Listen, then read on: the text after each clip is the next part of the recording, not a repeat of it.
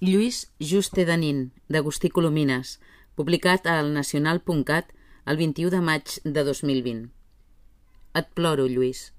Només fa dues setmanes, enmig del confinament, que et vaig demanar si em podies fer un favor. Em vas dir que sí, sense pensar-t'hi, i vas complir l'encàrrec amb la jovialitat marca de la casa.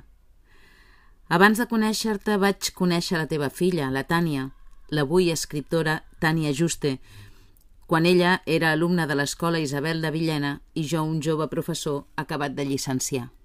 15 anys. Després va arribar l'amistat amb tu i la Neus, la teva companya, amb qui estaves ajustat com un guant a una mà, i amb la resta de la família, consogres, nebodes i nets. Un estol de persones que any rere any ens retrobàvem en l'acte de presentació del darrer volum d'una de les teves acurades novel·les gràfiques que havies encetat el 2005 amb la història, precisament, dels Nin, amb la mirada fixada sobre els americans Anaïs i Joaquim i, és clar, sobre l'Andreu, el parent assassinat per ordre del dictador Stalin, de qui tu també en sabies la maldat, malgrat la teva llarga militància al suc em vas concedir el privilegi de presentar la novel·la del 2015, quan de tu s'allunya, perquè sabies que ja llavors estava treballant en l'exili de Joaquín Maurín, el camarada de l'Andreu Unín, al POUM. A la presentació de la teva novel·la gràfica vaig dir que l'any 1952 Lillian Hellman, la companya de Dashiell Hammett, havia respost a l'interrogatori del Comitè d'Activitats Antiamericanes amb una asseveració que hauria pogut sortir de la teva boca. No puc retallar la meva consciència per la moda d'aquest any.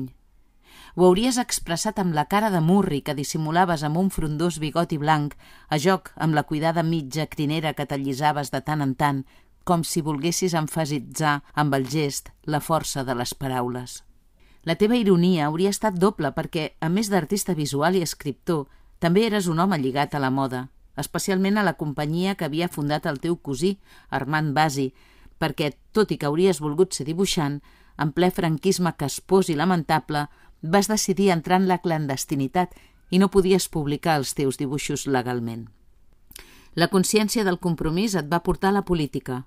La moda et va proporcionar les garrofes. Però la moda també lligava amb el teu capteniment de dandi.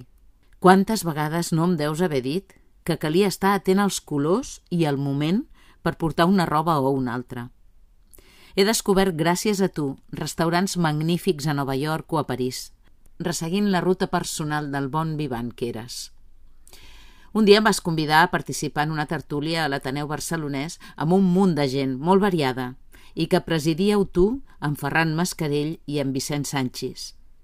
Durant anys vaig acudir-hi el tercer dilluns de cada mes a l'hora de dinar, malgrat les profundes discrepàncies amb algunes de les persones amb qui compartíem taula.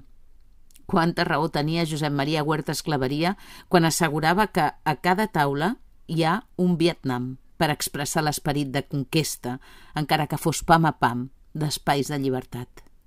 També ens hi acompanyaven en Jordi Sánchez i la Muriel Casals.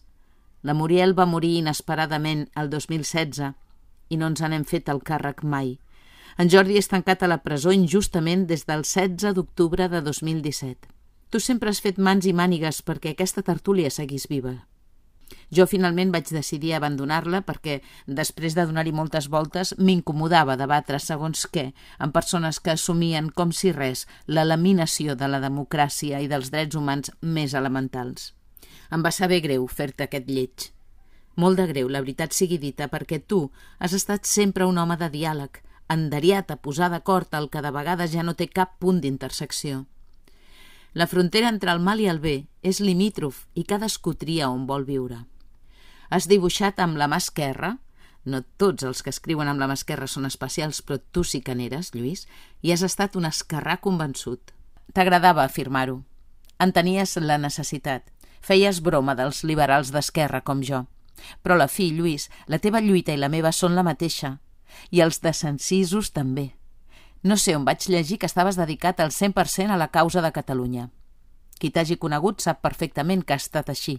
Defensor de la Catalunya popular que anela la llibertat i la independència, avui, amic Lluís, ploro per tu, perquè se'm va fer un nus a l'estómac quan van comunicar-me que estaves malalt. Ara la teva mort m'encongeix l'ànima. Te n'has anat massa aviat, quan el teu enginy i la teva creativitat seguien intactes. Quan em van fer saber que eres a l'hospital, et vaig escriure un WhatsApp immediatament, convençut que tot plegat no seria res. El reprodueixo ara perquè, malgrat la fatalitat, necessito sentir-te a prop. Amic Lluís, t'escric, encara que sé que no llegiràs el missatge, almenys de moment, per oferir-te l'escalf humà que tu sempre m'has ofert. He passat hores realment divertides i delirants al teu costat i desitjo que continuï sent així per molts anys. Coneixem i reconeixem els altres per la seva conducta i la teva per mi ha estat irreprotxable, càlida, amical i respectuosa. Tant de bo et recuperis aviat. No defalleixis, tot i que ja sé que no ho faràs. L'esquerra sempre és resistent, oi? I no t'abandonis pel simple fet d'haver de vestir amb una bata indigna. El dandisme està per damunt de la peça que porti l'home que sap i ha sabut viure la vida. Una forta abraçada i, si em permets, un petó de reconeixement, un petó de família. Adeu, Lluís. I en aquest comiat desconcertat, estic segur que hauries fet el teu desig verdegarià de l'emigrant. Estic malalt, més ai, torneu-me a terra, que hi vull morir. Te'n vas i jo no puc adormir el meu dolor.